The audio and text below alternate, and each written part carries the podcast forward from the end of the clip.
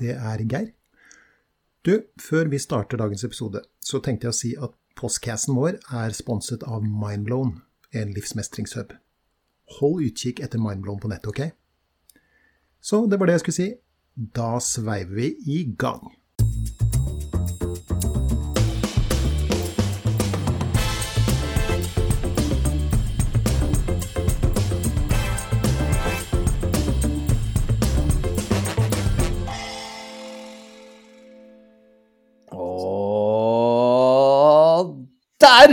Er vi i gang med episode 71 av podkasten Gi litt mer faen. Det er postcass. Det er postcass. Det er postcass. Ja. Ja, det har vært litt um, Skal vi begynne med en gang? ja. Gå rett på. altså, nei um, vi, har, vi prøvde jo å, å komme oss ut nå. Vi har hatt tekniske problemer. Mm. Ja, har vi Nå det. er det, ik- nå er det ikke noe linje på meg som beveger seg her, bare sånn at du er klar over det. Det er ikke det? Nei. Det er det her hos meg. På, på meg også. Ja. Så du ser liksom mine taletopper. Ja. Ja. Ok, så det her er ganske betegnende for hvordan vi har hatt det de, den siste uka, i hvert fall. Vi har møtt hverandre et utall ganger. ja. Um, første gangen så viste det seg det var en herværende internettleverandør som eh, greide å Beklager fransken, kuke det til over hele Østlandet. Så da klødde vi oss godt i huet. ja. Um, så ble visst det da fiksa, og så møttes vi dagen etter, og da hadde ikke jeg lyd. Nei. To dager hadde ikke du lyd. To dager hadde jeg ikke lyd, og Nei. jeg googla, og vi testa og holdt på. Bytta tre forskjellige datamaskiner. Tre forskjellige datamaskiner hadde vi. Mm. Um, prøvde alle høl i alle datamaskiner. Plugga inn og ut, og var på internettet og var inne i rene sånn hackinga langt inne i maskina på steder jeg aldri hadde vært før. Ja. Men Så heldigvis så fant vi ut av det, da. Ja, heldigvis. Ja, det var Så- takket være kløktig, kløktig datakunnskap fra herr Vigtil som gjorde at vi til slutt fant Ja. problemet. Men ellers eh, går det bra, eller? Jeg skal ikke kaste deg under bussen. Nei, ok. Nei, Jeg får slenge meg selv under bussen, og det viste seg nemlig at at mute-knappen på datamaskinen var trykket inn, så Tre dager! Ja. Tre dagers forsøk! Tre Ja. kvelder. ja. Så det Ikke tenk på det, som de sier. Nei da. Men det ordna seg til, eh, til slutt. Nå er vi her endelig. Nå er vi her endelig. Ja. Så vi beklager til eh, lytterne for at vi er forsinket, da. Ja. ja. Det er aldri, aldri gøy. Men eh, hva har du surra med siden sist, eh, Tommy? Nei, jeg har Er, jo det- er bygging fremdeles? Ja, ja lite grann, på, men på litt annen måte. Mer sånn eh, flisespikking, holdt jeg på å si. Jeg har støpt eh, gulv under peisen, så jeg har fått i gang den. Lagt fliser og fuga for første gang i mitt liv. Eh, og i dag så eh, Det har jo vært relativt greit grått noen dager nå. Mm. Så døra mi hadde Det var så vidt jeg fikk opp på igjen ytterdøra. Tenkte jeg fader heller, har jeg kjøpt noe som er dårlig kvalitet som svelger når det er fuktig? Men så fikk jeg en hyggelig venn på besøk som eh, gjorde en ganske stor operasjon. eh, og fikk til slutt døra til å gå som man skal. Og den store operasjonen var å justere den nederste skruen. Er det bare meg, eller har liksom hele den podkasten her i alle de år handla om at du bygger et eller annet? Ja, men det er jo en metafor på livet, Vigtil. Ja, det er sant. Ikke Det er sant? Det er stadig nye prosjekter. Ja. Sulten er der. Er aldri slutt. En oppussing tar aldri slutt. Nei. Nei, det er Nei, det er masse mer eh, sant. prosjekter her, altså. Så skal ikke stå på det. Stadig noe nytt å lære.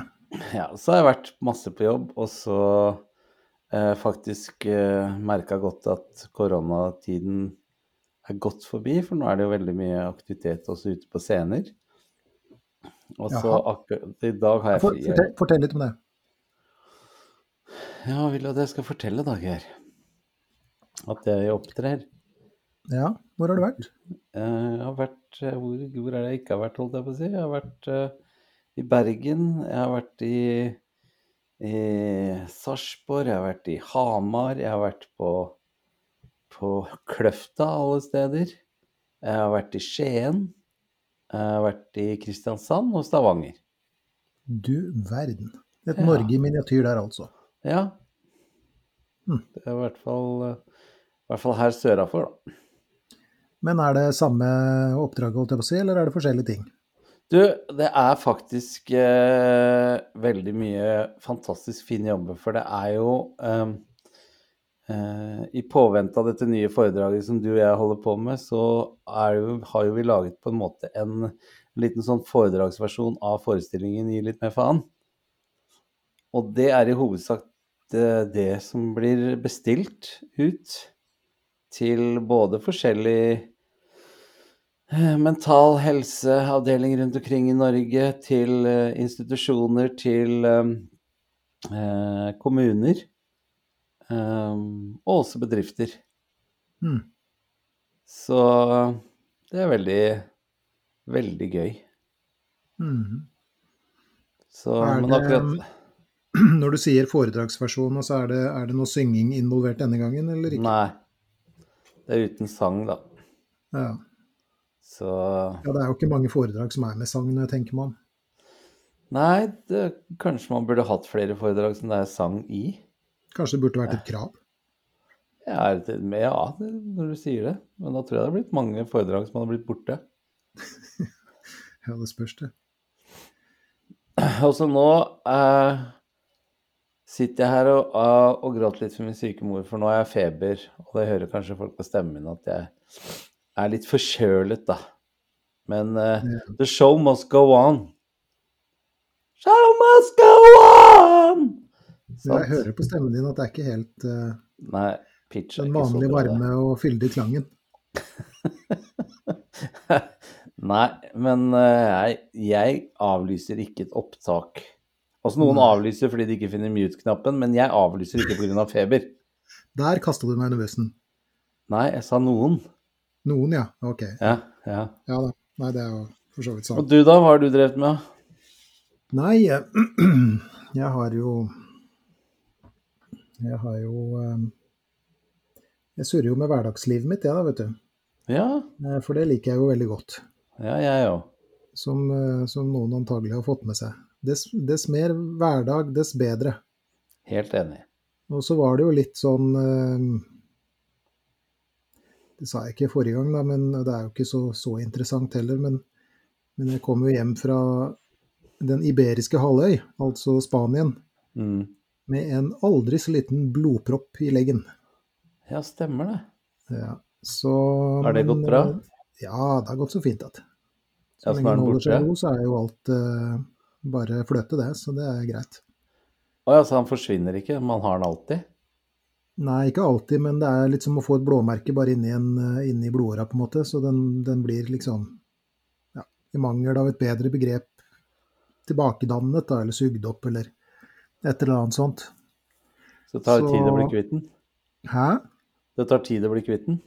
Ja, det tar noen uker, og da må man jo passe på at den ikke løsner og sånn, for det er jo litt en kjedeligere affære. Ja, det er det? Ja, så da kan man ikke hoppe og løpe og sånn, og det er jo Det er ikke så gøy. Men det er jo mye annet det går an å finne på utover det å hoppe og løpe, da. Ja, Hvordan har du klart å trene sånn, da? Nei, da lar jeg være å hoppe og løpe. Så Du Da er det jo sitter og trener? nei, men du vet, man kan jo løfte mye rart og ro på romaskin, og det er mye greier. Mye greier. Ok. Så det går fint. Og utover det så har, er vi nå endelig i gang med, med digitalisering av det som vi kaller KIPS, Ja. kurs i praktisk stresshåndtering. Så innledninga der er nå filmatisert, og vi skal nå i gang med, med kursdag én hvert øyeblikk. Så kult. Eh, Ja, det er superkult.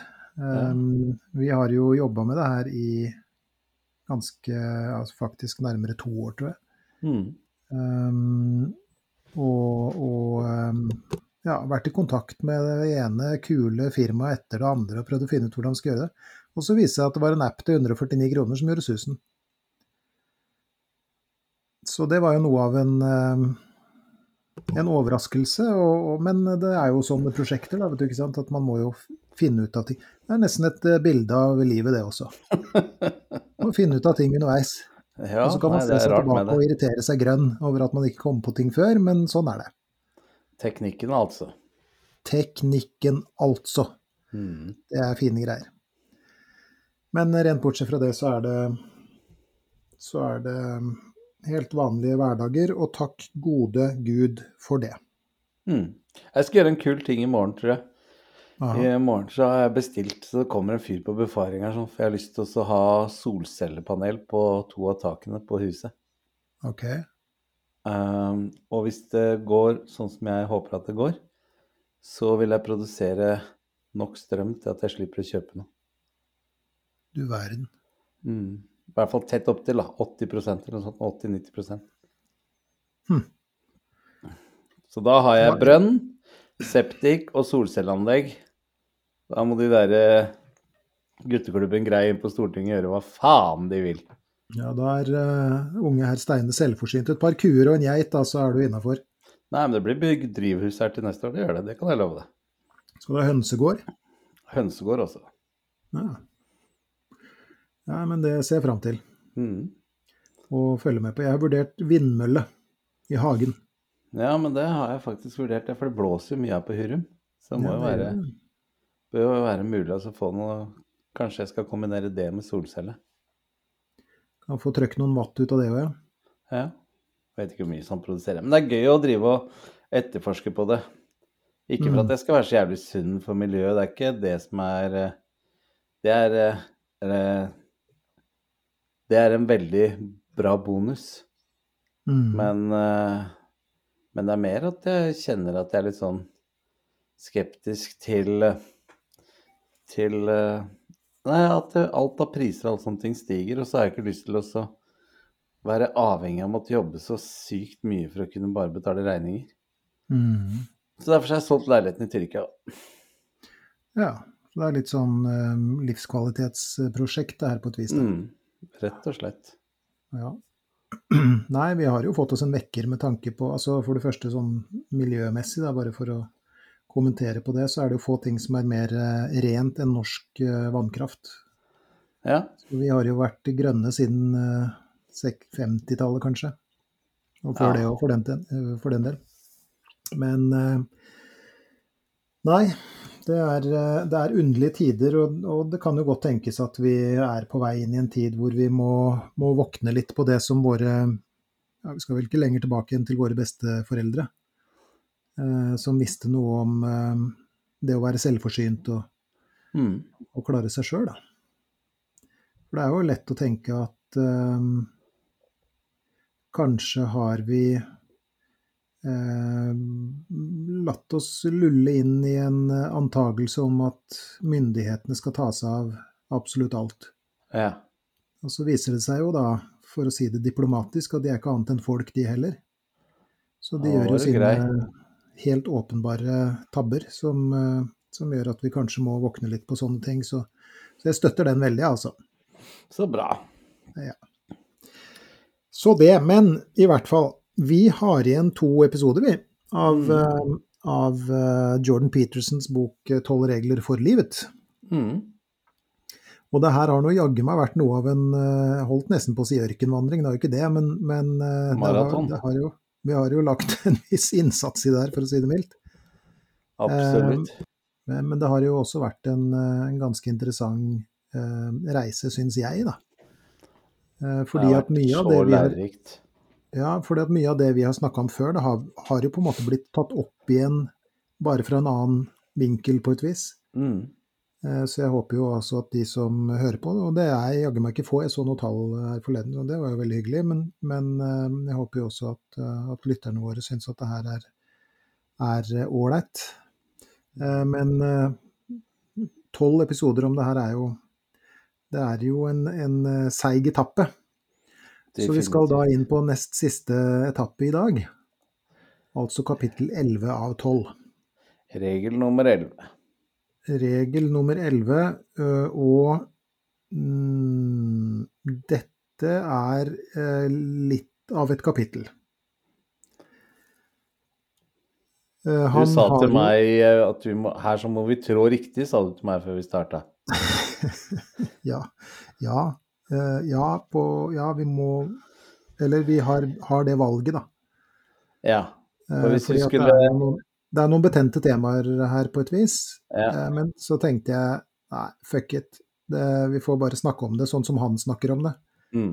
Um, For det er jo som sagt en, det som er typisk for um, både hans foredrag og, og ikke minst um, både den tolv regler for livet og, og den neste eh, boka også, er jo at det er det er jo disse meditasjonene, som man kaller det, og, og, hva betyr det? Jo, det betyr noe i retning av at han, han Det virker som om han tenker mens han skriver. Mm. Og dermed så tar han jo alle disse omveiene og assosiasjonene og, og, og sånt noe. Så, og det er jo, som vi også har sagt eh, tidligere, og, og jeg kan uh, si med ganske stor uh, tyngde, da, at det er, det er ikke alltid like lett å, å henge med, men, men bruker man litt tid på det, så begynner man å, å få tak i den røde tråden på et vis. Mm. Men denne gangen så starter den Altså kapittelet, eller um, regelen, heter 'Ikke forstyrr barn når de skater', oversatt Mm. til godt norsk. Ikke forstyrr barn når de skater. eller står på rullebrett, kunne kanskje hett, eller jeg vet ikke. Mm. Men, eh, og han starter jo med å snakke om skating og parkour. Har du vært borti det? Mm. Jeg har ikke Eh, vært borti det, men jeg vet hva det er. Du har ikke drevet med det ute på farmen? Nei. Det har jeg ikke. Ja. Du har jo vært litt oppå takene og sånn, Det har jeg. Men jeg har men ikke drevet med parkour. rundt? Nei, men jeg er jo imponert over de gutta som driver med det. Ja. Og noen jenter. Og jenter. Eh, eh, Det er eh, Det han beskriver er jo, eller det han snakker om der, da, er jo litt sånn aktiviteter som hele tida foregår på grensa. Mm. På grensa mot det og at det er farlig. eh, At du kan eh, slå deg stygt, og enda verre hvis, eh, hvis du bommer. Altså det å strekke seg og utfordre grenser. Og, han skriver jo hvordan han lar seg fascinere av å se på de som holder på med sånt, da. Mm. Og jeg må jo få lov til å si, når jeg da har nådd den, den, den middelalder som 52 år er, så, så er det jo en, med en viss sånn skrekkblandet fryd man kan se på folk som driver med sånne ting. Ja. Jeg tror ikke det er mange 52-åringer som driver med det. Nei, det er det ikke. Nei. De er i fåtall. Det, det tror jeg også. Men det leder da altså inn i en, en liten sånn meditasjon da, rundt det vi nå snakka litt om innledningsvis. Mm. Eh, nemlig at em, det kan virke som om at vi er inne i en tidsperiode, kanskje, eller at vi til og med har en, en kultur for at nå skal all fare reduseres så mye som mulig. Det vil si at Mm. det meste anses for å være litt sånn farlig, da. Mm. Og, og um, altså sikkerhetsutstyr, type sikkerhetsbelter i bil og sånn, er jo én greie. Men, men eh, jeg la ut på, på um, Instagram og Facebook for noen uker siden som en liten sånn lokkegreie til denne eh, episoden, så, så var det en, en tegning av eh, Hans Skavlan, vet du. Mm. Eh, For han er jo flink til å tegne og flink til å sette ting på spissen også. Hvor det er tre barn som sitter og, og leker sammen, og så roper det ene barnet 'Pappa, Odin bygger Lego uten hjelm'. Em, og, og eh, de fleste har vel antagelig også da fått med seg at det har kommet en hel rekke sånn EU-regler som går på å justere ned eh, farlighetsgraden, om vi skal finne opp et nytt ord, da, for f.eks. lekeplasser. Ja, ja, vi hadde lekeplassen der oppe hvor vi bodde før. Den var stengt i tre måneder før de skulle skifte ut den sanda som var under dumphuska og huskene der sånn. Fordi Ja. at eh, de kunne ikke ha vanlig sand under, sånn som vi har vokst opp med. Men de skal ha sånn Det ser nesten ut som sånn gummibelegg, vet du. Så når Mm. unga, så unga faller nå, så skal de ikke få skrubbsår, men de skal få sånn punktvis energifordeling utover kroppen. Whiplash. Ja, sånn Uansett hvordan du lander, så skal fallet ut igjen. Så, Mm. uh, Det var en Det er- periode hvor de, hvor de sagde ned leke, gamle lekeapparater. Ja. Og det ble stående, stående eh, tomt. Jeg har, jeg har noen bilder, jeg kan sikkert legge dem ut, men det er eh, av eh, en lekeplass rundt 1910, tror jeg. ja. Det er eh, altså den som ikke blir kaldsvett av å se på, se på de greiene der. Det er altså så høyt, og det vrimler med unger. Det er helt vilt. Det er klart hun vil ha det. Så, så, så Trær òg. Du skal ikke klatre i trær lenger. Og. Nei, ikke sant. sant? når vi vokste opp, Geir, så var det jo ingenting som var farlig. Du nevnte bilbeltet. Jeg Jeg Ja. husker at vi unga satt løse i baksetet. Ja. Og lillebrytteren Mick, han, han var alltid så trøtt når han kjørte bil, han la vi bak i hattehylla. Så lå han der og sov. Og foran satt mutter'n og fatter'n og nirøyka. Og så blei vi jo bilsjuke som fader, men fikk bare beskjed om å følge med på veien. Mm. Og vi, vi fikk ikke lov å åpne vinduet, for det var én ting som var farlig når vi vokste opp, og det var trekk i nakken. ja. Det var visstnok roten ja, til alt vondt, det. Ja, ja, ja. ja. ja så husker det der. Så, så, så det er jo ikke alt som var bedre før, holdt jeg på å si. Men, men, eh, men eh, barnehager og lekeplasser og sånt nå har jo eh, hva skal vi si, blitt EU-revidert, Absolutt. eh, sånn at det skal være så sikkert som mulig. Det som er litt eh, snedig, da, hvis du ser på skadestatistikken, så har den likevel ikke gått ned. Jeg har den ikke det, for det var det jeg skulle stille spørsmål om du visste. Den har ikke gått ned. Ah, da Eh, kjenner jeg at jeg blir nesten forbanna. Ja, det, det, det kan du si. Spørsmålet er jo da altså, det, altså det som han inviterer til, er jo en, en liten sånn refleksjon rundt dette med Er vi for beskytta? Er det for regulert? Ikke sant? Det kan ikke være et spørsmål, men det er klart vi er det. Ja. Ja, det er jeg hellig overbevist om. I Sverige vet du, så, er det ikke, så er det ikke engang lov å ha bestevenner i enkelte barnehager. Nei. Fordi at Nei, du skal fordi- ikke Nei, du skal ikke, du skal ikke ha um, favoritter, fordi at da kan noen oppleve seg å være utenfor og sånn. Mm. Så det er et forsøk på å justere det da, fra voksne og fra staten og sånn som det er. Mm. Men så er det jo også en del folk som hevder at det å ha en bestevenn er ganske viktig. Fordi at det, du lærer noe om relasjoner og gjensidighet og sånt noe, ikke sant? Det som er viktig, er at det er ingen som skal bestemme om du skal ha det eller ikke. Det er viktig. Ja. Det er jo Ja, nå kan jeg tillate meg å være litt mer politisk ukorrekt enn det. Det er jo bare piss. Ok. Hvordan Ja, men det mener jeg. For det, hvis, hvor, når skal vi lære barna våre å få tykk hud? mm, Hvis de ikke de kan, hvis de ikke de kan være ute og leke og slå seg. Og jeg forstår veldig godt, og det er veldig lett å si hvis man ikke har hatt barn som har vært utsatt for en stygg ulykke og sånt. Og, og, jeg, og jeg kjøper helt det f.eks. at det er greit at vi har hjelm på når vi sykler nå, for de sykler jo 50-60 km i timen de verstingene, ikke sant. Så det er helt Mm. greit at Det er ikke det jeg snakker om. mm, Men jeg snakker om eh, lekeapparater skal ha støtende gummiunderlegg under, eller vi skal ha, Hvor mange støttehjul skal du ha på sykkelen til du er tolv, liksom? mm, Og dette her med at vi skal skåne barna våre for alt som heter ubehag og farer. Mm, Det, vi, det jeg mener personlig at vi gjør, er at vi, vi rett og slett eh, Vi ruster dem ikke opp.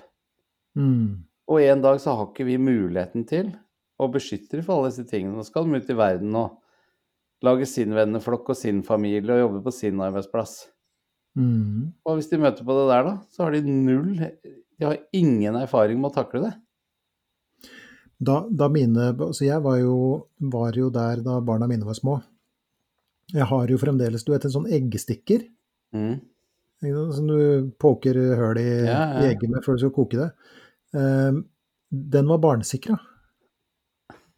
Det var, ja, det var en sånn sikringsbryter på den, på en måte, som hindra at du fikk prikka høl i egget. da. Sånn at barna ikke skulle stikke, stikke seg. Og så skulle man ha sikring på alle skuffer så man ikke klemte fingeren. Og det ene med det tredje. Ja, og den, noen den har ting jeg, er, enda, jeg skjemmes litt når jeg tar den opp.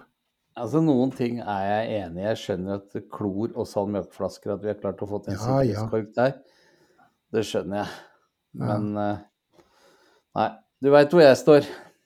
Ja da, eh, jeg gjør det. Og, og jeg begynte jo raskt å, å hva skal vi si, moderere meg, jeg også, etter det første det, det første, hva skal vi kalle det, da? Første instinktet til kanskje overbeskyttelse av mine egne barn. Men det jeg tenkte var sånn, ja ja, nei, men da får du stikke deg på den eggstikkeren, da. Mm. Og så får du lære at du skal ikke leke med den. Nei? Ikke sant? Det er jo altså Og det er jo som du sier, altså sikkerhetsutstyr i, i bil og sykkel, og hvor det går fort, og, og potensialet for skade er, er stort. Det er jo, tenker jeg, veldig innafor. Ja. Men det var noen som sa en gang, og det har jeg aldri glemt, de sa at eh, barn skal slå seg, men ikke skade seg. Mm. Eh, og det høres sånn hva skal jeg si, logisk ut i mine ører, da. Og det er jo det han eh, reflekterer litt rundt i det kapitlet her. Da. Så han, han eh, lurer på om vi har gått fra liksom over i en sånn mammastat som hele tida liksom skal passe på oss, Mm. og, og at mammastaten til enhver tid vet hva som er best. Mm. Eh, og da er det best at vi også hører etter, ikke sant. Og, og ehm, han er jo, han er jo i, i overkant opptatt av uh, psykologi, hadde jeg nær sagt, og det er ikke så rart, for han er jo psykolog i utgangspunktet, og, og han trekker jo paralleller til den der overbeskyttende moren eh, fra, fra psykoanalysen, holdt jeg på å si. Mm. Altså en, en, en kald og fjern mor er, er eh, Eller forelder, da, om vi kan si det sånn, er ikke bra for eh, barn. Men heller ikke en, en super overbeskyttende Har du, har du hørt um, Pink Floyds The Wall? Mm. Ja. Der er det en sang som heter et eller annet Mother eller noe sånt noe. Hvor han Mm. Pink, da, som han heter, han hovedpersonen i det konseptalbumet som, som The Wall er, em, synger til mora si, og du hører, eh, hører at han er bekymra for at verden er farlig. Mm. Og at, at jenter kan såre ham, og at, eh, at folk kan være slemme menn, liksom. Mm. Og da, da hører vi liksom mora si at uh, du, skal, du er alltid trygg hos meg. Mm. Uh, du skal få slippe å møte den, uh, den store og, og, og grusomme verden, ikke sant. For du skal, du skal alltid sitte på en måte i mitt fang, da i overført betydning. Hush no baby, baby, don't you cry. Riktig, ikke sant. Og den er altså den som greier å høre den sangen der uten å få gåsehud eh, av rein skrekk, den er ganske, ganske god, tenker jeg da. Jeg lagde jo en eh, På den forestillingen som jeg hadde før uh, eh, Gi litt mer faen, så hadde jeg en forestilling som het 'Latterlig livredd'. Mhm. Der skrev jeg om den sangen der til norsk. Oi. Så Så den sangen kan jeg. Fantastisk låt. Ja, veldig. Og, og fullstendig skrekkinngytende. Mm. Det her, den klamme omsorgen, på en måte. Ja. Um, og, og det er ikke bra fordi at en, altså en, en Altså, ingen foreldre er perfekte, og det skal de heller ikke være. Det var jo også noen som sa, jeg lurer på om det var han derre Jesper Juel, eller hva han het, han Nei, han het det. Han, eh, han eh, barneoppdragelsespedagogen. Hva? En dansk? Han var dansk, ja. Mm. Eh, Jeg lurer på om det var han som sa noe i retning av at det finnes bare én ting som er verre enn dysfunksjonelle foreldre, og det er perfekte foreldre. Mm. Fordi at barnet, barnet når aldri opp. Eh, idealet, altså et ideal er jo godt å ha, det å, Mm. å ha noe å, å strekke seg mot, men, men et ideal vil også dømme deg, ikke sant? Mm. eh, gjennom å gjennom, Altså i kraft av å være et ideal. Eh, så vil det også si at eh, Eller det står i fare for å si at det her får du aldri til, du når aldri opp til det nivået her, på en måte. Og da, da kan det fort bli et sprik mellom eh, Hva skal vi si Idealet og, hvor, og, og hvordan vi har det og fungerer og ser på selv, på en måte. Det blir en gap der. Altså Ja, Ja. ikke sant. Og det spriket kan være ganske ganske smertefullt. Fordi at eh, vekst, altså menneskelig vekst, på en måte, da. Mm. snakker vi om kall det psykologisk vekst, eller åndelig vekst, eller mental vekst, eller hva som helst. Det skjer jo gjennom at vi gjør feil, og, og, og det skjer gjennom smerte. Mm. Smertefull erfaring, om vi kan kalle det det. Mm. Um, og hvis vi blir for beskytta, enten det er av foreldrene våre eller andre omgivelser, eller, eller også staten, så står vi da i fare for å, å gå glipp av erfaringer. Mm. Um, se f.eks. på lekeslåssing. Altså, jeg antar at din skolegård, skolegård var relativt lik min. Mm. På den tida der så var det jo ekstremt mye Kongen på haugen, det borti mm. det? Ja, ja. ja. Særlig på vinterstid, ikke sant? Å, en eller annen sånn brøytehaug som liksom var raska opp, og der var det isklumper i huet og dytting og styr og ståk. Um, snøballkasting. Oh. Eller snøballkriger, da. Ja. Um, Luftgeværkrig på, grav, på, på, gravplassen, det var veldig Altså, vi har jeg hørt at noen gjorde, da. Ja. Så det var mye ting som som var annerledes når vi vokste opp, ja. Men mener. Eh, Jordan at dette rammer gutter i større grad enn jentene, eller? Eh, med denne eh, Ikke få lov til å utfolde seg, teste seg, prøve seg. Gutter er jo litt villere i, ja. som barn enn det jenter er. Ja.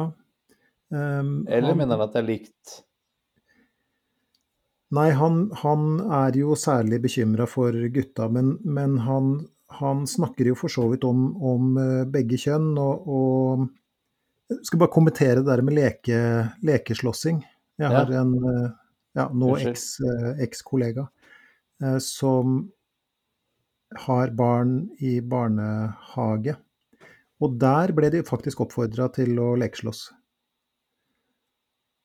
Til en del foreldres store bekymring, og til andres himmelstormende glede. da. De fikk beskjed, altså Foreldrene fikk beskjed om at hvis dere kommer inn i barnehagen og skal hente og sånn, eh, så hvis dere ser at ungene liksom holder på på matter og det som på godt norsk kalles rough and tumble play, ja. så ikke bli, eh, ikke bli engstelige. Dette er viktig for barns um, utvikling, fordi at gjennom f.eks. lekeslåssing eller Kongen på haugen eller noe sånt noe, så, så lærer man noe om uh, egne grenser, andres grenser, gjensidighet, det å ta hensyn til hverandre, det å be om unnskyldning hvis man har gått litt for langt, ikke sant. Masse, masse, masse læring i det her, og det har, har de da forstått i den barnehagen. Da. Og det syns jeg jo var litt sånn øh, øh, ekstra øh, kult. For det, det er også lett å tenke at det her er noe som jeg har spekulert en del på. Da, at og Du kan høre hva du, hva du tenker om det, for det her er ikke ferdigtygd fra min side på noen som helst måte. Men Altså, jeg jobber jo i Nav eh, til vanlig, eh, og av en eller annen grunn så har jeg også blitt dratt litt sånn inn i det som kalles Nav Ung, da. Hvor det er liksom eh, Altså, ung i Nav, da er du under 30. Ok. Før så kalte, de, før så kalte, de un, uh, kalte, man dem ungdom hvis de var under 30, men det syns jeg muligens var å dra det litt langt. Mm. Uh, selv om det finnes helt sikkert ja, det, er jo, det er jo eksempler på folk på vår alder òg som nesten kan karakteriseres som ungdommer ut ifra atferden sin. Men, men, det jeg har tenkt om det, er det derre med at når, når voksenpersoner, da det her gjelder både barn og unge, sånn som jeg ser det. Og igjen, da, det er, det er litt sånn løse tanker, men mm. hvis barn og unge møtes av voksnes engstelighet Altså, La oss si at du har et barn som balanserer på et gjerde. Så kan det gå aldeles strålende. Eller det kan ikke gå strålende, kan falle ned og oppdage tyngdekraften, på en måte, men, men, det er ikke det som er poenget. Poenget er at hvis, hvis den voksne sier 'nå må du være forsiktig', da er det liksom da balansen kommer litt ut av uh, ja, balanse. Ikke sant? Og, og man blir selvbevisst og, og, og, engstelig selv, ikke sant. Og det samme med når unge strever, la oss si, med, med ja, at de blir holdt utafor, f.eks., eller at de har noen kjærlighetsproblemer, eller at de har noe det vi kaller symptomer. Da. Det vil da si at de, de, strever med det som alle strever med, og kanskje særlig i ungdommen. ikke sant? Man er litt nedfor, man er litt urolig, man er litt stressa, man har litt prestasjonsangst, ikke sant. Um, og det da å bli møtt med vår, altså de voksnes liksom engstelse Jeg mm. lurer bare så innmari på hva det gjør med, med, med de unge, da. Istedenfor å bli med liksom, litt sånn, sånn, trygghet og sånn Ja, men ikke sant, jeg skjønner at du har det sånn, og Ehm, det, det, går som oftest over, og 'kom her, skal vi finne på et eller annet', eller ikke sant. Og jeg, jeg er her for deg, og, og så mm. skjønner du. Jeg synes å se en tendens til, da, og nå generaliserer jeg grovt, altså, mm. På gruppenivå, som jeg er glad, for, glad i å si, at vi kanskje Og kanskje har det noe med sikkerhetssamfunnet og, og for å være litt freidig, kalle det mammastaten å gjøre også at vi helst ikke vil at folk skal oppleve ubehag. Da. Det ubehaget skal helst bort med en gang. Mm. Og så er det så innmari mye læring i i, um, i ubehaget, på en måte. Mm. Og i, i smerten. Da, da snakker jeg om smerten ved å slå ut tenna på fordi at det er, det er pukk under uh, huskene, liksom. Det er ikke det jeg snakker om. Men, men, men det er bare det å liksom I møte med livet så er det mye smerte. og og, og, hvis vi blir engstelige og, og, og, liksom signaliserer på en måte at det skal bort, så, så Og det synes jeg liksom å se en litt sånn tendens til, og det, jeg må si det engster meg. Um, uh, og, ja, og det er det han, han, han også snakker om. Det. Jeg tror jeg, For meg så virker det litt som vi går liksom Jeg vet ikke om det er riktig måte å si det på, men altså, vi går ute, er ute etter litt sånn kortsiktig gevinst. Mm. For altså, hvis du skåner et barn for et ubehag der og da, så mener jeg at det er stor fare for at du gjør barnet ditt en bjørnetjeneste. Mm. For at når barn da møter på ubehag seinere, så vil det være så mye, mye verre. Fordi mm. man har vært skåna for det fram til da. Mm. Så den kortsiktige gevinsten er der og da, så skåner du barnet for det. Men det du gjør, er at tilsvarende ubehag mange år seinere oppleves som mye verre. Mm. Mm. Og det er sånn hvis Hvis du har i metaforer altså Hvis du har falt og skrubba kneet ditt og knærne dine og leggene dine eh, 14 ganger, liksom, før du er 15 så raser ikke hele verden sammen når du faller og slår deg når du skal sykle aleine for første gang som, som 15-åring. Eller kanskje mm. 12, jeg husker ikke når man begynner å sykle Hjem. Hvis du skjønner hva jeg mener? Mm. Ja, og det har jo med erfaring å gjøre, ikke sant. Du har opplevd mm. den smerten før, og du, du, vet at du håndterer det selv om det er ubehagelig osv. Og, så og det opplever jo Jeg husker jo når vi og bakgrunnen for at i hele tatt du og jeg begynte å, å, jobbe sammen. Denne tingen som jeg opplevde i 2017. Mm. Eh, jeg er helt sikker på at jeg eh, støtt og stadig i dag kjenner på noen av de samme tankene, noen av de samme smerte, samme mørke tankene. Men fordi jeg har vært gjennom det før, så vet jeg ja, men det går over. Det mm. kan jeg gjøre sånn med. Det har du, det her har du trent på, Tommy. Da veit du at når det skjer, så skal du gjøre sånn. Mm. Så jeg har med meg den erfaringen. Mm. Hvis ikke jeg hadde hatt med meg den erfaringen, så vil jo Når det inntreffer, så vil det jo være så ekstremt stort. Ja. Så det er det jeg bare mener at Jeg i hvert fall tør å påstå at vi gjør unga våre en bjørnetjeneste. Mm. Mm. Så, og det har vært en sånn evig splid mellom her, her hjemme, fordi for å banne litt i kirken, så opplever jeg jo at dagens mødre er jo eh, på gruppenivå mer bekymret engstelig enn det fedrene er for små barn. I hvert fall har det vært sånn her hos oss. Kanskje ja. ikke hjemme hos deg og Vegard, men uh, her har det, har det, vært sånn. Uh, ja, nei. Er, og jeg tror det er en gyllen middelvei som er bra. Ja, ikke sant. Det, Jeg- ja. Og hvis ungene skulle vært like gærne som jeg var når jeg vokste opp, det, det tror jeg ikke jeg hadde takla som pappa heller.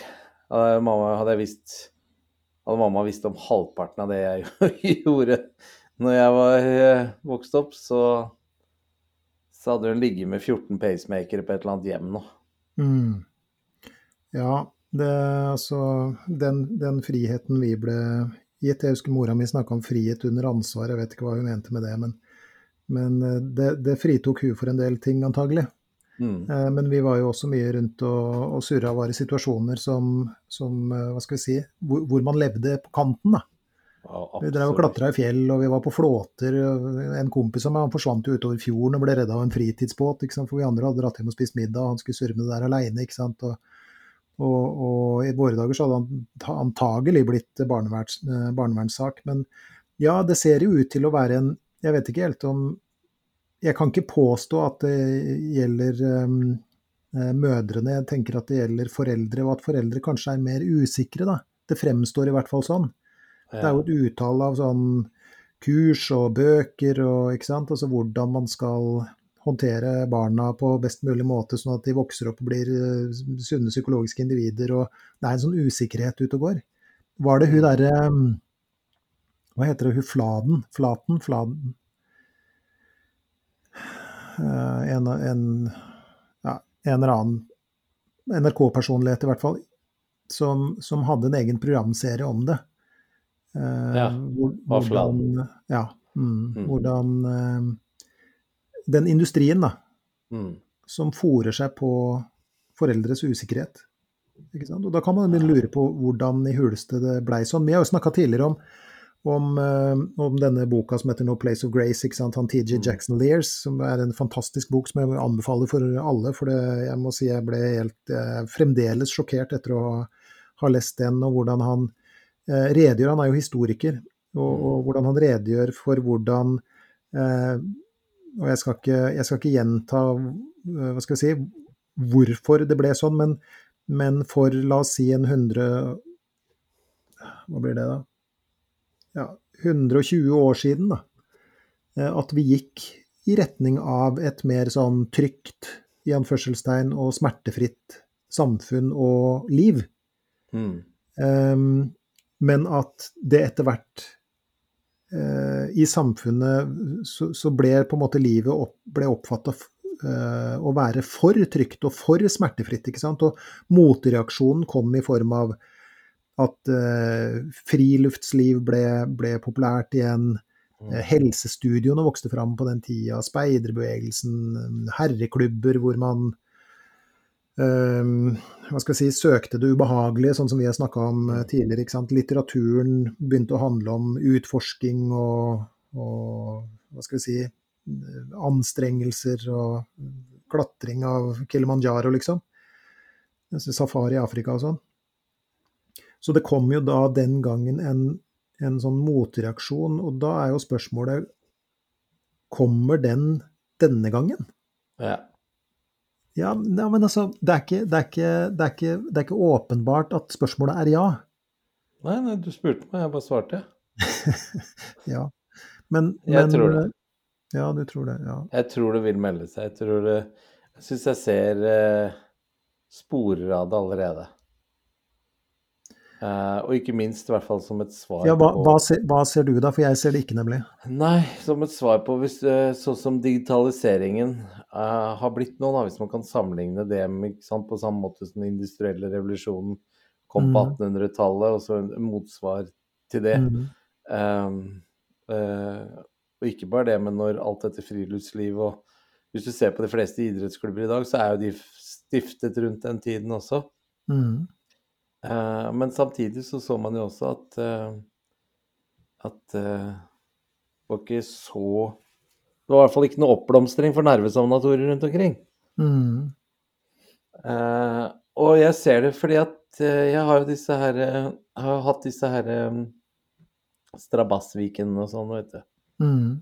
Og nå når jeg begynner også uh, etter hvert lande her nå utover høsten, så skal jeg jo ta opp igjen det. Mm. Og når jeg snakker om eh, folk og nevner og du kommer inn på og diskuterer det, så alle sier "Nei, da må du sende meg en melding, for det skal jeg være med på. Mm. Da må du gi meg beskjed. Da skal jeg være med. Ja, Men tror du ikke at det er liksom folk som bare er spesielt interesserte, da? Fordi at altså, når, vi om, når vi snakker om digitalisering, da. Jeg tenker jo Det her er igjen sånn uh, u... Jeg gjør ikke krav på at dette skal være noen sånn komplette tanker, men, men uh, kall det en slags bekymring hos meg, da. Mm. Og det er jo det at digitaliseringa inviterer på veldig mange måter til en slags sånn tilbaketrekning. Mm. Uh, Og her er en ting jeg har tenkt om, og dette gjelder kanskje spesielt gutter igjen, da. Den her uh, tilbaketrekninga inn i det digitale, ned i kjellerne og inn i det digitale. Mm. Og det, det vi ofte ser, er jo f.eks. gutter som spiller um, adventure-spill, de spiller eh, fotballspill, de spiller eh, hva heter det der, Call of Duty og Battlefield og sånn som det her. Og det jeg har tenkt om det, for da, og det kan jo selvfølgelig være prega av at av at uh, jeg har lest det jeg har lest, og, og sånt noe. For man, man, man trekkes jo mot det man mener er riktig, på en måte, så det kan være masse feilkilder her på et vis. Men, men når man ser disse disse folka som gamer mye og sånn, og det gjelder kanskje spesielt guttene, så, så tenker jeg jo at de spillene de spiller, inviterer jo til en helterolle, på en måte. Mm. Ikke sant? Det inviterer til en sånn aktiv, eh, kanskje litt aggressiv, eh, konkurrerende rolle. Eh, og, og at de griper den da, i mangel på noe annet. Men det Mm. triste er jo at det skjer nede i en kjeller, eh, isolert. Det skjer via en skjerm. Kroppen beveger seg jo ikke med unntak av tomlene og øynene, liksom. Nei? Selv nakken eh, er jo altså Man ser jo nakkeproblemer, for vi har aldri liksom de her store utslagene lenger som vi har f.eks. når vi går ut i skogen og ser oss rundt. da, ikke sant? Mm. Um, og, og at man, man blir uh, passivisert på den måten. Og det også, må jeg si, um, bekymrer meg. Men det som, det som gjør at For du sa at jeg hadde sagt at vi måtte trå forsiktig her. Og det er litt rart at vi må trå forsiktig, fordi at han spekulerer jo nå, Jordan Peterson, i dette kapitlet nettopp på Han er litt ekstra opptatt av, um, av guttene Mm. i denne sammenhengen. Fordi at hvis vi ser f.eks. da på ja, ja, la oss ta seg i- særlig da i, i når det gjelder det med høyere utdanning, så er det jo sånn at jentene nå dominerer, og det er ganske kraftig. Mm. Eh, Og det er det jo ikke noe feil med. Det er ikke sånn at det ene kjønnet eller det andre kjønnet skal vinne, det er jo bare sprøyt. Men, men, men det har muligens blitt en sånn overkorrigering på et vis av en eller annen grunn. Da. Hvis du f.eks. ser på medisinstudiet, psykologistudiet, veterinærstudiet og tannlege f.eks., så er eh, 70 av studentene er jenter. Ja, da tror jeg til og med du er grei med den statistikken der. Nei, den er, det er ordrett, eh, for det har jeg undersøkt før vi Ja, eh, for jeg så den. dokumentaren på NRK da var jeg på psykologisk, psykologisk fakultet i Oslo. Ja, ja, men det er et enkelt fakultet, da. Ja, så var det, der var det det var 90 det. Ja, ja. Men det her er av snittmessig, Ja, jeg skjønner. snittmessig i Norge. Um, men, men greia er at Og i høyere utdanning så er fordelinga nå som ca. 60-40. Og så er det jo ikke sånn at vi skal strebe etter total likestilling, for det må jeg ærlig talt innrømme at det er en veldig rar måte å drive et samfunn på, på et vis. Men, men Og uoppnåelig altså? Hmm? Ja, og, og jeg tror det er uoppnåelig altså. Ja, det er det også antagelig, ikke sant. Men, men vi kan Det er lett å tenke at det er en slags sånn tilbaketrekning blant gutta, da. Mm. Eh, og jeg, jeg må jo si at det det bekymrer meg. Bare én av tre menn tar høyere utdanning, f.eks. Og nå er, det, nå er det jo ikke sånn at alle skal ta høyere, så det er jo ikke det som er målestokken. Men likevel så er det liksom grunn til, til eh, bekymring. Og så er det jo også et, en iver i samfunnet etter å hjelpe jentene fram. For Mm. så er det jo sånn at uh, jenter får ekstrapoeng ved 113 studier, og, og guttene får uh, ekstrapoeng ved ti studier. Mm. Eh, og jeg må jo også si med litt sånn svarte stunder at jeg tenker at hadde det vært omvendt, så, så hadde det antagelig blitt noe av et, eh, et ramaskrik. Her er en Ja, eller hva, hvordan tror du det hadde vært da hvis, hvis det var sånn på grunnskolen over nå At det ikke var ett eneste fag jentene var best i. Ja, nei, da hadde det vel antagelig blitt noe tiltak mot det, da. Mm. Jeg, jeg, må jo si som, eh, som både far og som og i egenskap av den jobben jeg har, at, at det der er litt uh, rart. Og jeg tror ikke at det er uh, noen fordel for et uh, samfunn. Jeg tror ikke det er en fordel for et samfunn at, at noen av kjønnene hva skal vi si, er, er underrepresentert um, på de arenaene. Da. Altså, vi har bruk for, for hjerner, og ikke, ikke um, kjønnsorganer i, i så måte. Men, men, jeg vet ikke helt om, om det er spesielt um, Eh, den utviklinga vi har nå er spesielt sunn, og, og, og i hvert fall ikke for, for guttene. Og her er, her er, en annen ting jeg også har tenkt på, og det her syns jeg er veldig rart. Veldig rart. Mm. Fordi at hvis du ser på norsk arbeidsliv, da så i, i, gamle dager så Eller gamle dager, du skal ikke veldig langt tilbake, men da hadde man, hvis man hadde mer i beina enn i huet, som de sa i gamle dager, Eh, så, så kunne, hadde man jo arenaer hvor man kunne hva skal vi si, skape seg et liv, da. Mm. Eh, og få seg et yrke. Eh, man, faren min reiste jo til sjøs. Mm. Var 15 år gammel da han reiste verden rundt, liksom. Da jeg var, var ung og ikke riktig visste min retning, så var jeg hjelpemann på bil for en elektroforretning og bar komfyrer og sånn, ikke sant. Mm. No, enda litt tidligere så kunne man kanskje dra på hogst i skauen. Men det vi som samfunn nå gjør, da, det er at for det første så automatiserer vi bort en hel haug med jobber. Jeg så jo blant annet um, ja, det var en herværende dagligvarekjede som presenterte i media en uh, rydderobot. Mm som gikk mellom hyllene og skanna etter eh, huller på en måte i vareutvalget. Eh, og så kunne den roboten plystre ut på lageret, hente og sette på plass i hylla. Og det er jo en jobb som et menneske kunne ha gjort. Et ungt menneske, f.eks. Ja. Og, og kunne fått da erfaring med å møte opp på jobb, eh, treffe kolleger, treffe kunder, holde orden, ikke sant og som får et eller annet på CV, sånn at man liksom kan gå videre i en eller annen retning. Mm. Men det automatiserer vi bort. Og en annen ting som jeg også syns er forbanna rart, og, som, og, og, som forundrer meg at fordi at det er veldig mange politikere som snakker om, om inkludering og sånn. Og så mm. opptatt av inkludering. Men vi ser jo også f.eks. en tendens til akademisering av norsk arbeidsliv. Her forleden så, så jeg at det nå var eh, oppretta fagbrev for bilrenholdere. Mm. Og så kan man jo tenke sånn, ja ja, det henger jo på et vis på greip, eh, med tanke på at er, du bruker en del sånn såper og midler som ikke sant, man ikke skal strø rundt seg med og få på seg og sånt som det her. Men det er jo sånn også at det er en del blant oss, og hvis du ser på Hvis du skal bruke tall fra f.eks. internasjonal eh, evneforskning, da, for ikke å bruke intelligensbegrepet, eh, så er det sånn mellom 10 og 13% som vil ha vansker med å lese en skriftlig beskjed og oversette det i praksis i et samfunn.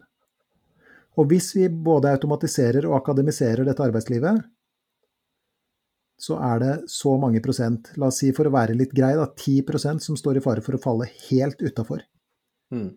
Og mange av dem er liksom eh, de urolige gutta, f.eks., eller de som ennå ikke har funnet retninga si. ikke sant? Mm. Det må jeg si bekymrer meg enormt, og jeg kan ikke forstå, jeg kan ikke fatte og begripe at ikke en eneste politiker i Norge stiller seg på talerstolen på Stortinget og problematiserer det. Ja, Det kan ikke jeg skjønne heller. Du kan se i bransjen som jeg er i nå, i barnevernet. Eh, fra 1.1 i år så kom det en ny barnevernslov Uh, og den sier at uh, voksne personer sånn som meg, f.eks., som er firebarnsfar og 53 år Jeg har jo mm. så klart masse erfaring fra det med meg pappa, og har antageligvis på en institusjon hvor jeg jobber, mye å tilføre som far og inneha en farsrolle som kanskje mange av disse ungdommene har vokst opp uten. Men nå er det bestemt, du får ikke lov å jobbe der hvis du ikke har bachelor. Mm. Sånn at alle vi som ikke er fagutdanna, men har masse erfaring og egnethet Mm. til å være her. Det Mm. spiller ingen rolle. Det de gjør nå, er at de ansetter over en lav sko.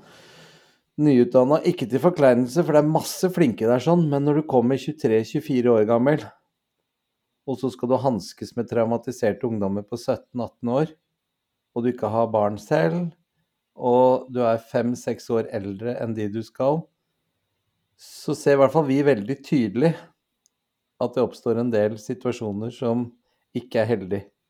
Mm. Og det som er påfallende også, er at eh, de, vi som jobber som ufaglærte, har i minst like stor grad, om ikke mer, eh, relasjon til den ungdommen enn de som er faglærte.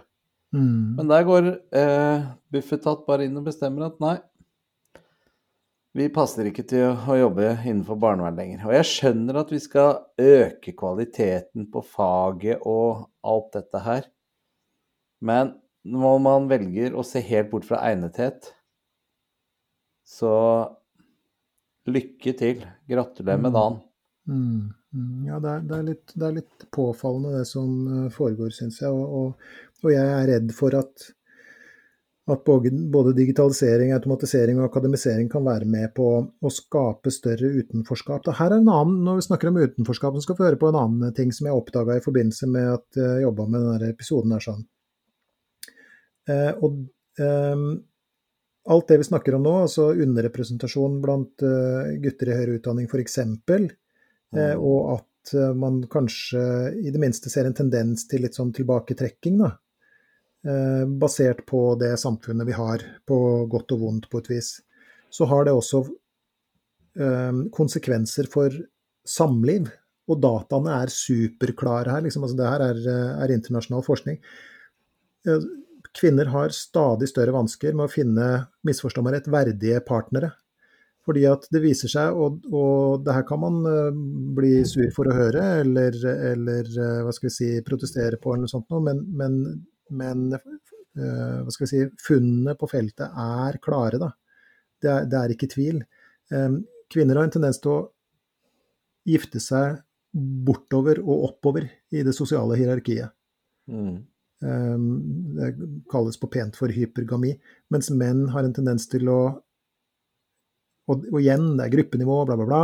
Eh, men menn har en tendens til å gifte seg bortover og nedover. Mm. Er du med på det? Mm. Og det vil da si at i Vesten eh, så er det stadig flere høyt utdanna eh, kvinner og stadig færre høyt utdanna menn. Eh, og det som da er litt sånn pussig, er at det baner veien for så, det man kidsa kaller nå for playere, ikke sant. De få mennene som da er aktuelle på, kall det markedet, da, for å bruke det begrepet, de kan velge å vrake, ikke sant. Mens de mennene som da havner utafor og, og, hva skal vi si, veies og finnes for lette, de, blir, de havner utafor, hva skal vi si, ja, det samme sånn, kall det ekteskapsmarkedet eller noe i den retninga der.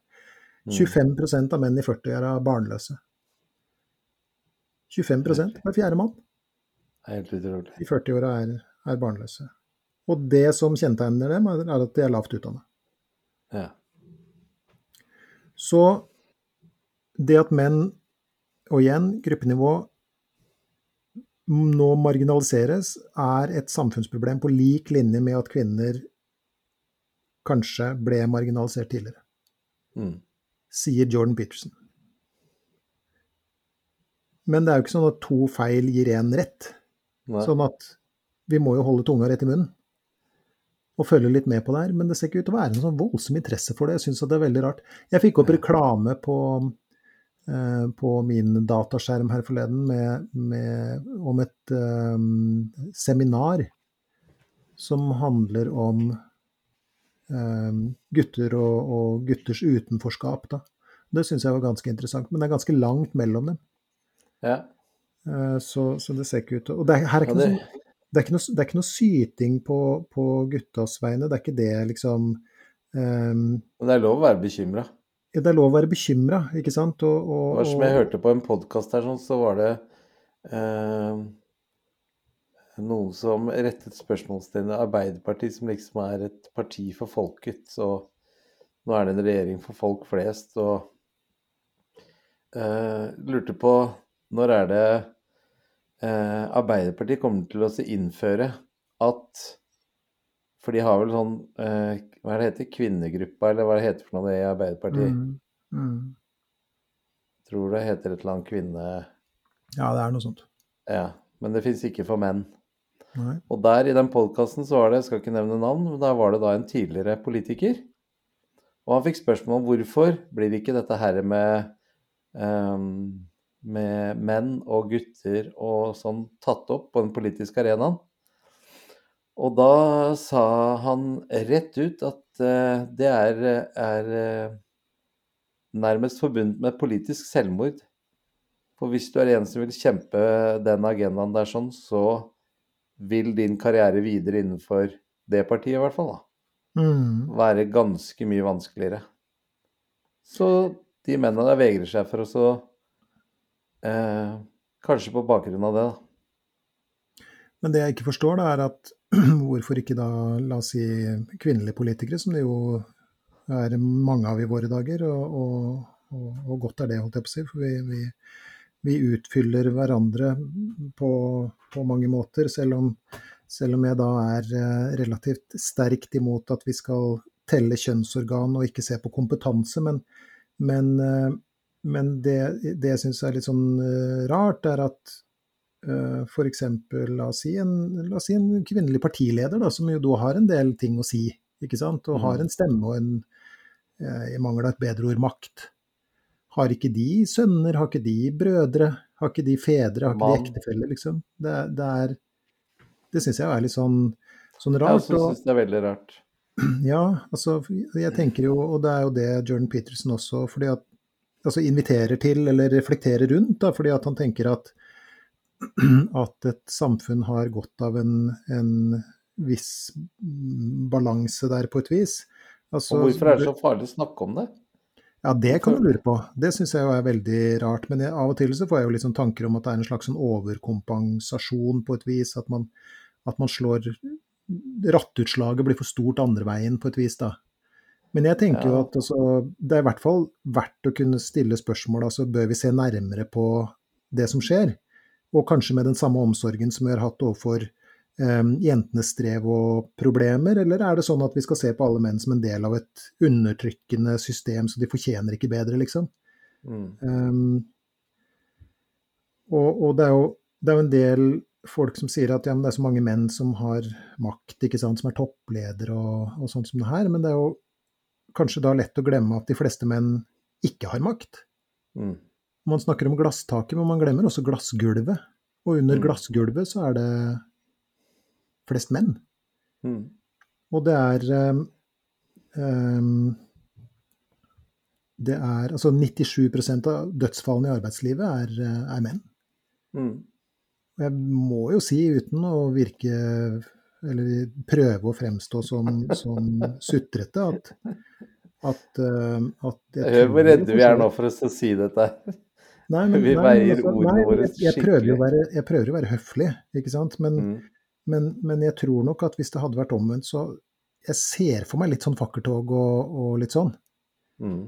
Eh, og, og vi får, ser f.eks. At, at selvmordsstatistikken eh, blant menn er tre ganger så høy som blant kvinner. Og det er ingen konkurranse, det er ikke det jeg sier. Det burde vært null på begge sider, ikke sant. Mm. Men, men, men det, er, det er ting som tyder på at kanskje eh, menn ikke har det så bra for tida, liksom. Altså, er, er, det, er det greit at tallene er sånn? Jeg kan ikke forstå det. Altså, Men det er også, det er også eh, på sin plass å stille spørsmålstegn med én ting er du snakker om kvinnelige partiledere og at eh, kvinnelige politikere har menn og barn og fedre og onkler og, og sånt noe. At ikke de eh, løfter opp på dagsorden. Men hvor blir det av mennene, da? ja, det er Når er, det det, når, er det, når er den internasjonale kvinnedagen her? Det er eh, 8. mars. Og når er den internasjonale mannsdagen? 19. oktober. Er det 19. oktober? Ja, tror jeg. Ja. Eh, og den, den sammenfaller, den sammenfaller pussig nok med den internasjonale toalettdagen, og det er ikke kødd engang. Det er sant. Bare sjekk det. Ja, jeg tror det. Jeg skal, jeg skal. Da google den internasjonale toalettdagen. Det er samme dagen Ja. som mannsdagen. Det, det er antagelig en ren tilfeldighet. Men, men det jeg tenker er jo liksom, og det som Jordan Peterson også snakker om, da eh, altså det er, jo, det er jo lett når man, når man leser det kapittelet her, så er det litt sånn lett å tenke sånn Oi, shit, her, eh, her er den på litt sånn korstog. Men det han inviterer til, er liksom um, å legge Ja, det var det jeg visste. Internasjonale mannsdagene er 19. november. November er det, ja. Ok. Ja. 19. november, ja. Så skal vi se toalettdag Unnskyld, avbrøt jeg deg? Jo. Eh, Du ba meg om å google, skjønner du. Ja, men du kan google toalettdagen, men, Ja. men, men det han spør om er liksom skal vi legge bort all aktivismen og så heller være humanister sammen, da. Det er jo så populært med ismer nå, feminisme og jeg vet ikke om det er noe som heter maskulinisme eller hva vet jeg, da, men, men han inviterer mer til sånn humanisme, altså å se på det at begge kjønn har sine problemer, at vi kanskje kan jobbe sammen for å å løse det her. For hvis ikke, så, så kan det ha alvorlige samfunnsmessige følger som vi kanskje ikke helt har oversikt over ennå. Mm. Ikke sant? Noe er galt, og vi snakker ikke helt om det. Nei. Og vi tør Så- ikke å snakke om det, og det er farlig å snakke om det. Ja, det er det også. Og det er farlig å mene noe om det, Ja, det er det også. Det fordi er, du eh, blir en mannssjåvinist veldig- før du aner ordet av det. Jo, men, men Men internasjonale toalettdagen er 19. november, den òg. Ja, den er det. Riktig, ok. Mm. Så var det jeg tenkte. Men, men ehm, vi snakka jo Var det i forrige ja, Jeg husker ikke, men en av de siste episodene i hvert fall, så snakka vi om dette med å, å eh, være presis i din tale. Mm. Og hvorfor det? Jo, fordi at det å snakke er det samme som å tenke. Tenker. Og hvis det er ting vi ikke kan snakke om, så tenker vi ikke rundt det. Nei. Og poenget er at vi er mennesker alle sammen. Vi jobber, alle, de fleste av oss i hvert fall, jobber for at dette samfunnet skal være så godt som mulig å leve i for alle. Mm. Eh, men eh, det kan se ut som om det er visse temaer som vi unndrar oss å, å diskutere. Da. Ganske mange, faktisk. Ja, det, er- det, Det er det til og med på, på, for meg på scenen. Ja, ja, ja, ikke sant. For det er jo, det er jo cancel culture og alt det der. Ja, ja. Ja, og det, og det er jo ikke um, fri tale, så skal man ikke være slem, ikke sant? Man skal Nei. ikke være ubehøvla og kjip bare for å være kjip og sånn, men, men um, nei, Men det der- kan jo ikke styre hvilke temaer som skal diskuteres eller ikke. nei, det kan, Da det kan man heller diskutere måten man diskuterer det på, da. Ja, det er jo for så vidt et godt poeng. Det å ha en, en slags sånn metadiskusjon om, om hvordan vi gjør det, ja.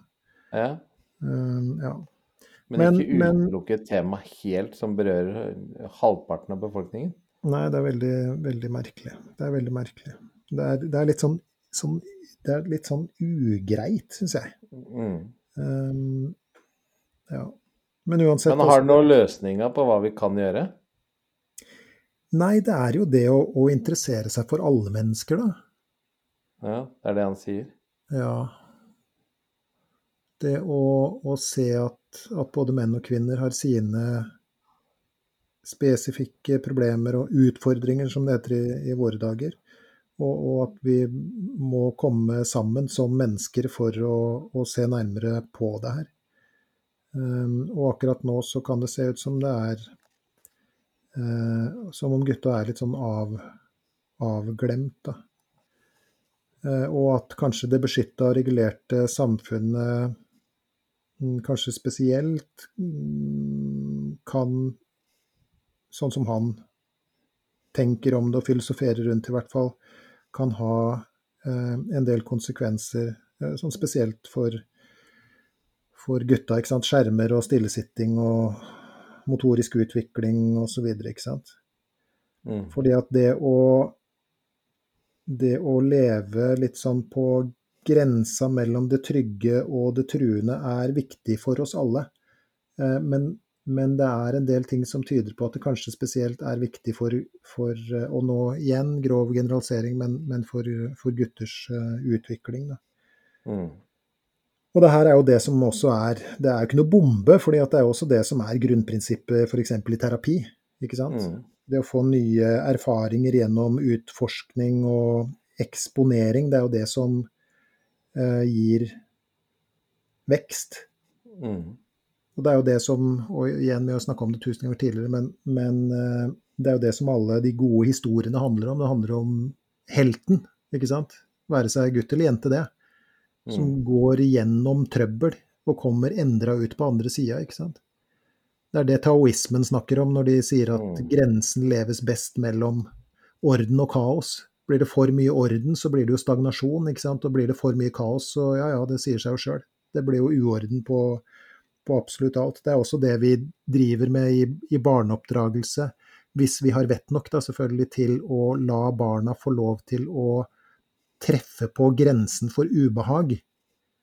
Og gjøre seg erfaringer, komme tilbake og få trøst. Ut igjen, ikke sant. Mm. Nye erfaringer. Det er jo det som er eh, hva skal vi si, foreldres oppgave på et vis. da. Og det er jo derfor han sier ikke forstyrr barn når de skater. La dem få lov å gjøre det. La dem få lov til det. La dem få leve litt på grensa. Ja. Syns det er en bra oppsummering. Ja. Det syns jeg. Så det var det, den regelen. Det var den nest siste regelen, det. Ja. Han øhm, Jeg blir jo litt sånn øh, fast Du. Jeg ser for meg den skriveprosessen der. Det Ja, men- ikke Tror du ikke at eh, Jeg tror vi har diskutert dette før, og tror du ikke en grunn til at han kaller det meditasjoner, er at ting blir skrevet ned mens det tenkes? Jo, jeg, jeg lurer jo litt på det. Marcus Aurelius hadde jo også meditasjoner. Og det Ja. var hans eh, eh, hans nedtegningen av tanker på enden av dagen. Ja. Aldri ment egentlig å leses eller eh, noe av alle andre. Han skrev, som jo da mange stoikere gjorde, skrev da dagbok. Litt sånn øh, Litt sånn, øh, hva skal vi si Assosierte og tenkte og Forberedte seg på neste dag. mm, Gjorde opp erfaringer. Hvordan sto det i forhold til det jeg planla i dag? Hva har jeg oppnådd? mm. Du, en liten Ja. sånn øh, artig greie på slutten. Ja? Eh, Leif Edvard, Ja? vår, eh, vår eh, hva skal vi si, professorbekjente som har vært med oss et par ganger i, i denne podkasten, Mm. han og en dame som heter Ellen Beate Sandsæter, har Mm. eh, eh, en eh, forskningsartikkel, altså en, en sånn evolusjonspsykologisk eh, artikkel, som heter 'Children's Risky Play from an Evolutionary Perspective'. The Antiphobic Effects of Thrilling Experiences. Altså barns risikolek i et evolusjonært perspektiv. Eh, den antifobiske effekten av eh, spennende eller nervepirrende eh, opplevelser. ja. Den kan jeg jo legge ut. Den er litt, den er litt snedig. den. Den, slår jo liksom eh, litt sånn til orde for å, å la barn få lov til å, å bevege seg litt på grensa. Da. ja. Um, og, og nevnte jeg Jack Panksepp i stad? Nei. Nei. Jack Panksepp han var nevrolog og psykobiolog, som det um, heter.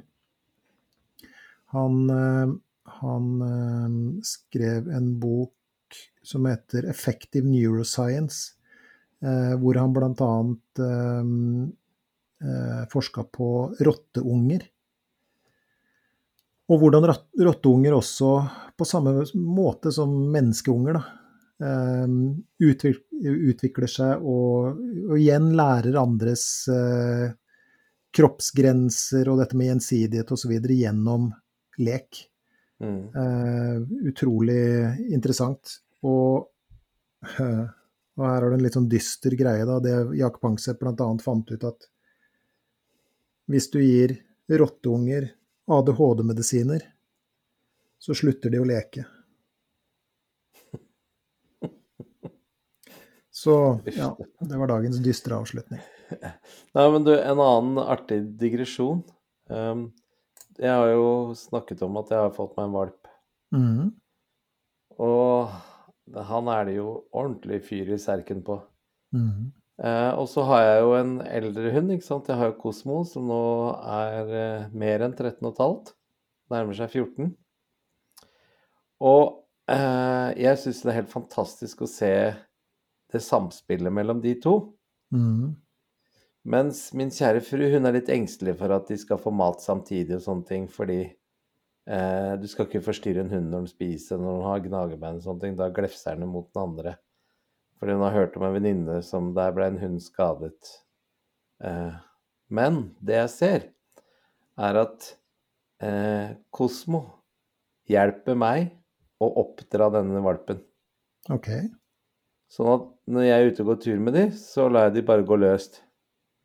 Og denne lille valpen prøver seg på Kosmo hele tida. Vil ha han til å leke og sånt, ikke sant. Og Kosmo er jo en eldre, arrogant fane av en hund. Mhm. Men når han har fått nok, så sier han klart og tydelig fra. Mm. Med tenner, om han kommer borti med tennene og sånne ting, det, det kan godt tenkes. Men både med stemmen og med å vise med å flekke tenner og gi en klar beskjed. Mm. Og valpen jenker seg Ja. med en gang. Så han setter, Kosmo setter en grense. Han setter en, en grense.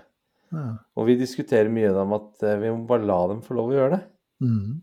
Fordi Kosmo kommer til å si ifra til eh, Aaron, som jeg lærte meg at den heter nå, for det skrives med to a-er, ikke én. Uh, og det er eh, eh, det å så tørre å la denne lille valpen være sammen med den svære, kraftige bikkja, mm. er jo også litt sånn uh, Går det bra, går det ikke bra?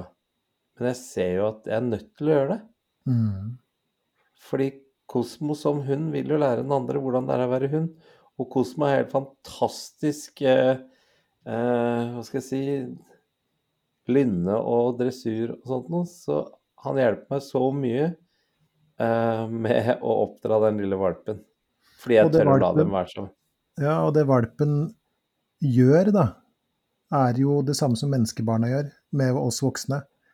De liksom stikker fingeren borti oss, og så liksom Hvor er grensa mi? Hvor er grensa mi? Hvor er grensa mi? Ja. Er du der i dag? Ikke sant? Er du like tydelig i dag som du var i går? Ikke sant? De tester ut det der hele tida. Det er akkurat Ja. samme som, eh, som eh, valpen gjør overfor den eldre hunden. Ja. Ja, det er artig. Da ble det litt mindre dyster avslutning, tenkte jeg. Ja, du er veldig god på sånne ting. Ja, nydelig. Nydelig. Nei, men skal vi kalle call it a day? Da Det var veldig, veldig, veldig interessant eh, regel, syns jeg. Ja, det, det syns jeg. Brennaktuell. Det er jo rart at han kaller det regler. Han skulle jo kanskje kalt det sånn Jordan Peterson, uh, Petersons tolv uh, tankespinn om livet. Eller eller. Meditasjoner kunne du kalt det bare. Han kunne kalt det meditasjoner, men da hadde han jo antagelig tråkka i bedet til Marcus Aurelius, jeg vet ikke. Nei, er, han har jo ikke eneretten på det, han Marcus Aurelius heller. Nei, han har jo ikke det. Men uh, det hadde kanskje ikke vært det mest salgbare sånn sett. Nei. Regler selger bedre. De gjør det. Ja. Husker du hva den siste regelen heter da? Nei. Det gjør ikke jeg heller, men det har noe med katter å gjøre. Ja. Eh, som apropos hunder. Men det skal jeg nå finne ut. Ja. For det skal vi ha neste gang. Den skal vi ha neste gang. Den heter 'Klapp en katt når du møter en på gaten'. Det var det. Og hva i huleste det handler om? Vel, det får vi finne ut neste gang. Gleder meg masse. Tusen takk for i dag. Takk for i dag. Men du, Ja, vi vil jo fortsatt at folk skal sende mailer. det vil vi gjerne. Og hvor skal de sende den da? Da kan de sende den eh, til gi litt mer f at gmail.com. Gi litt mer f i ett ord. K karusell. Det kan jo være litt farlig. Ja, det er risky. Gmail.com! Yes. Ja, er Nei, men da har vi det. Da har vi det. Da snakkes vi snart igjen. Takk for i kveld, da. Takk for i kveld. Ha det. Ha det.